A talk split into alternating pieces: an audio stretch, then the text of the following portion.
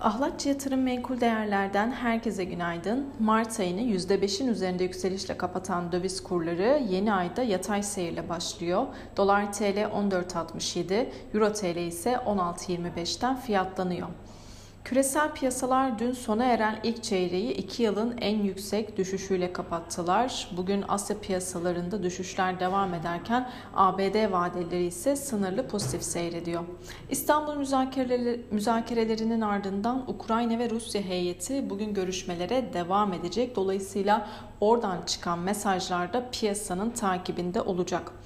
Petrol fiyatlarına baktığımızda belirttiğimiz üzere ABD'de Biden yönetiminin stratejik rezervleri serbest bırakma kararının ardından Brent petrol son 2 yılın en büyük haftalık kaybını yaşayarak 103,63 dolar seviyelerine kadar gerilemiş durumda. Yine de bu durum yapısal yetersiz arz görünümünü Brent petrol piyasasında e, hakim olduğu gerçeğini değiştirmiyor.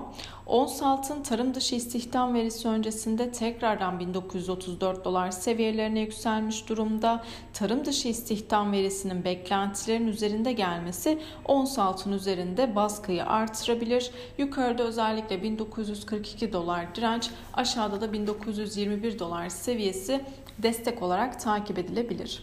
Yurt içi gelişmelere baktığımızda Türk Telekom'un 31 Mart itibariyle Türkiye Varlık Fonu'na devri tamamlanarak fonun %61.68'lik oran ile Türk Telekom'un en büyük hissedarı konumunda. Öte yandan SPK BBVA'nın hisse başına 12,20 TL teklif fiyatı üzerinden 2.1 milyar adet gönüllü pay teklifini onaylamış durumda. Borsa İstanbul tarafına baktığımızda dün sınırlı yükselişte 2233 puan seviyesinden kapatmıştı. Yukarıda özellikle 2260 direnci takip edilebilir.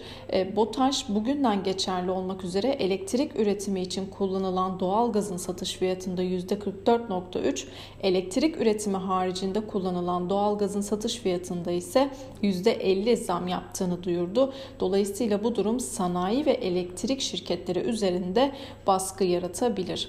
Aşağıda da özellikle 2146 ve 2100 seviyeleri destek olarak takip edilebilir. Bugün yurt içinde önemli bir veri akışı bulunmuyor. Yurt dışında ise Euro bölgesi PMI ve enflasyon, ABD tarım dışı istihdam ve işsizlik oranı rakamları takip edilecek. Herkese bol kazançlı güzel bir gün dilerim.